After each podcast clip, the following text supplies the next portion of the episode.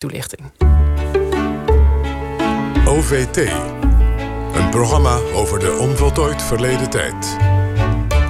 De toegang tot de Schelde moet kosten wat kost geblokkeerd blijven. Want de val van Antwerpen zou het einde van het Duitse Rijk betekenen. Al dus Adolf Hitler, die net als de geallieerden de strategische ligging van de Schelde haarfijn inzag. En dus groeide de Slag om de Schelde, die sinds gisteren nationaal wordt herdacht, uit tot een, van de zwaarst bevochten slagen van de Tweede Wereldoorlog. Ja, en in november 1944 zou de slag door de geallieerden worden gewonnen. Maar de bewoners van het gebied rond de Schelde zouden er een zware prijs voor betalen. Zo ook de familie van Anna van Zuchtelen. Hun prachtige Zeeuwse familie paleis brandde tot de grond toe af. En Anna van Zuchtelen schreef er het boek over Versailles aan de Schelde. En Anna is bij ons te gast. Anna, goedemorgen, welkom. Sinds gisteren wordt die slag herdacht. Min of meer als het begin van de bevrijdingen van Nederland. Uh, hoe komt het dat wij toch in algemene zin die slag niet zo goed onthouden hebben. En vooral steeds beginnen te kwaken over de slag om Arnhem. En het nooit over de Schelde hebben. Uh, wat stond er op het spel? Waarom was die slag zo belangrijk? Um, die slag was zo belangrijk omdat uh, in september was um, Antwerpen al bevrijd. En op een gegeven moment eind september ook uh, Zeeuws-Vlaanderen. Maar die Schelde zelf, de doorgang naar de haven van Antwerpen, nog niet. Voor de geallieerden was het van groot belang, of een soort van levensbelang... om die haven van Antwerpen te hebben. Omdat ze dan al hun materieel, wat nog steeds vanuit Frankrijk... Uh, naar het noorden aangevoerd werd, konden ze dus verplaatsen... En nou ja, dat zou tot een veel sneller einde van de oorlog uh, leiden. Dus die, de, de, de toegang naar Antwerpen, de Westerschelde, moest vrijkomen. En uh, vandaar dat dus het hele gebied ook, uh, ook de overkant vanuit Terneuzen gezien, moest gewoon zo snel mogelijk in geallieerde handen komen. De slag is een beetje vergeten. Dat zou je dit weekend weer bijna vergeten. Maar is een beetje vergeten in grote lijnen. En dat schijnt voor de Zeeuwen vrij pijnlijk te zijn. Is dat zo? Ja, dat denk ik wel. Uh, want uh, ja, zij, de Zeeuwen vieren ook zelf altijd in feite twee keer de bevrijding. Dat is in oktober en natuurlijk in mei, zoals wij allemaal. En het is natuurlijk, alle aandacht is altijd uitgegaan naar de slag om Arnhem. En het is nu eigenlijk voor het eerst dat die slag zo nou ja, gewaardeerd wordt, laat ik maar zeggen. Die, die slag rond de Schelde. En die was strategisch gezien van groot belang, van enorm belang.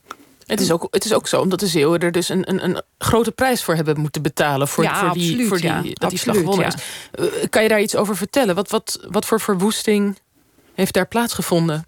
Ja, de, het is uh, wat ik. Uh, het boek wat ik heb geschreven gaat over een dorpje wat in, zich bevindt in de punt van Zuid-Beveland. Dus in een rechte lijn onder Goes. Dat is een heel strategische ligging. Uh, uh, aan de Westerschelde. Je kan vanuit dat dorpje, laat ik maar zeggen, naar links en naar rechts kijken. Ik heb een heel overzicht over die Schelde.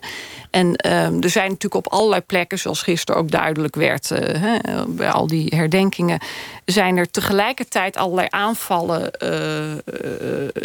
gevoerd. Dus uiteindelijk is bijvoorbeeld het hele uh, inundatie van Walgen ook dramatisch geweest. Maar mijn boek gaat dus met name over het dorpje Ellewoudsdijk... wat zich in die punt bevindt... en wat het meest getroffen dorpje in Zuid-Beveland geweest is.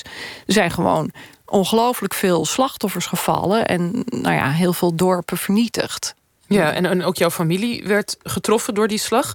Want in dat dorpje Ellewoudsdijk, daar, daar hadden ze een huis. Wat voor, wat voor huis was dat? Het was een buitenhuis. Het was dus niet een huis waar ze zelf woonden, maar ze kwamen daar voortdurend.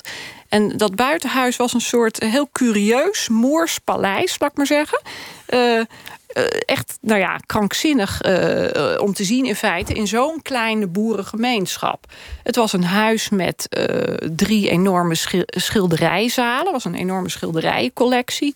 Er was een toneelzaal met een draaiend toneel. Het huis is vanaf 1880 zo'n beetje uh, door um, de familie daar uh, nou ja, uitgebouwd, laat ik maar zeggen. Het begon, ja, ik weet niet of ik daar nu al mee moet ja. Het begon ermee dat uh, het, het, gaat om een baggerfamilie uit Sliedrecht. Nou, bijna alle baggerfamilies die komen oorspronkelijk uit Sliedrecht. Al die naam Volkers TV in. En dit is de familie van Hattem. En dat, uh, op een gegeven moment kwam er een zoon van zo'n eenvoudige baggeraar... die een baggersbedrijfje had. Uh, Jan Christian, die werd JC genoemd. Die, uh, dat was een zeer ondernemend type. Zijn grootvader, moet je je voorstellen... dat was een rietsnijder aan de kant van de Merwede. Super eenvoudig en ook behoorlijk straatarm. En deze jongen, die was echt nou ja, enorm ondernemend. Die is bijvoorbeeld op zijn zeventiende scheepte hij zichzelf al in als een soort verstekeling op een schip naar Batavia. Het al eerder. En uh, is maanden weggebleven om al zakencontacten te leggen. En hij heeft in feite dat familiebedrijfje als eerste internationaal op de kaart gebracht. Dus hij heeft ook heel veel in Zuid-Amerika uiteindelijk allerlei projecten gerealiseerd in havens, in gewerkt. Uiteindelijk dat was de grote financiële slag aan het Panama-kanaal. Een hele belangrijke opdracht. De het doorstoten van de Culebra-berg. In Zuid-Afrika had hij allerlei projecten. Dus hij heeft in feite dat bedrijfje van zijn vader en grootvader heel groot gemaakt. Daar had hij dus ook heel veel geld. Uh, ja, dus hij werd schatrijk in dus feite. Dus ik neem aan dat uh, het, het, succes van het bedrijf en het uitvergroten van het Pronkpaleis hand in hand ging. Hè? Dus dat, ja. dat ding wordt natuurlijk steeds groter naarmate dat bedrijf meer succes heeft. Klopt. Uh, hoe was dat voor, wat vonden de Zeeuwen eigenlijk van zo'n pronkpaleis midden in een gewoon blaaf protestants dorpje? Ja, dat is inderdaad. Vonden ze dat wat? Nou ja, he, met, ik zou zelf denken dat dat iets heel curieus is. En dat men ook dacht van wat, wat, moet dat hier, laat ik maar zeggen.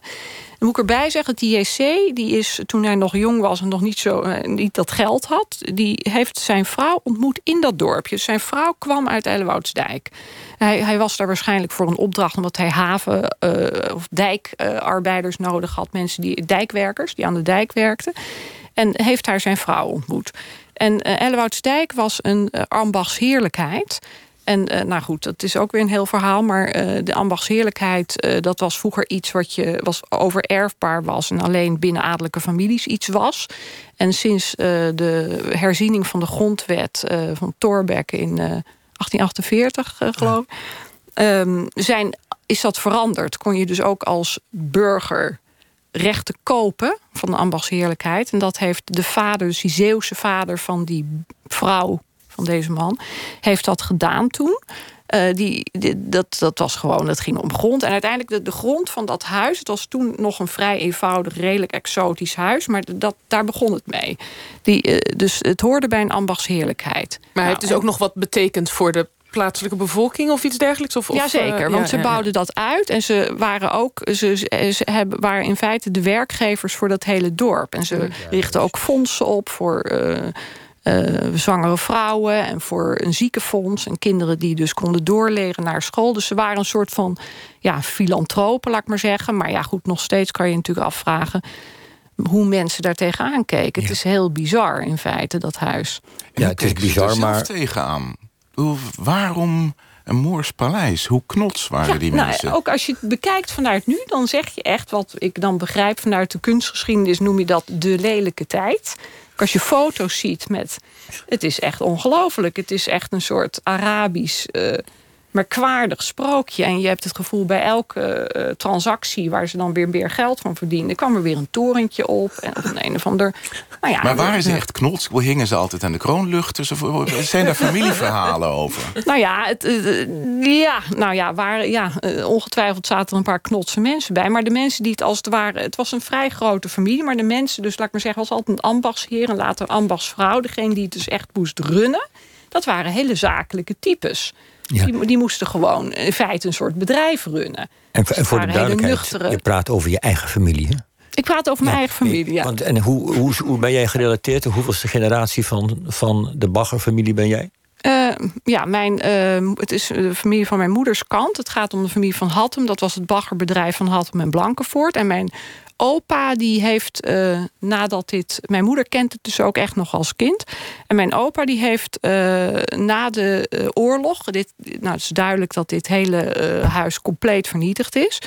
die heeft dus aan de overtuin... waar nog wel alle spullen of allerlei... Um, nou ja, van alles is overgebleven in die tuin. Wat nu nog steeds zichtbaar is. Een folly, een, nou ja, een mooie brug en van alles en nog wat. Die heeft daar een huis gebouwd.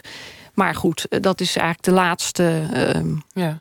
Ja. Want hoe, stond het, hoe stond het met de rijkdom van, de, van Hattems na de oorlog? Was er, er was geen geld meer om een nieuw paleis te bouwen. Dus. Nee, zo'n paleis niet. Er zijn wel nee. twee nieuwe huizen gebouwd. Ja. Dus aan, eh, op, de ple ja, op twee plekken. Ja. En op een gegeven moment, nou ja, is, de familie zit ook niet meer in dat uh, baggerbedrijf. Wat is opgeslokt door grote baggerondernemingen.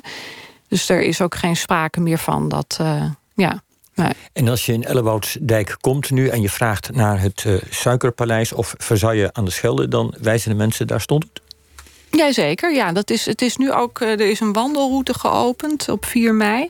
En uh, dat, uh, die wandelroute, daar kan je de geschiedenis zien van het uh, dorp. En daar, ja, die, dat leeft nog heel erg. Goed. Ja. Anna van Zuchtelen, ik wil je bedanken. Het boek heet Versailles aan de Schelde en is uitgegeven bij Cossé. En hier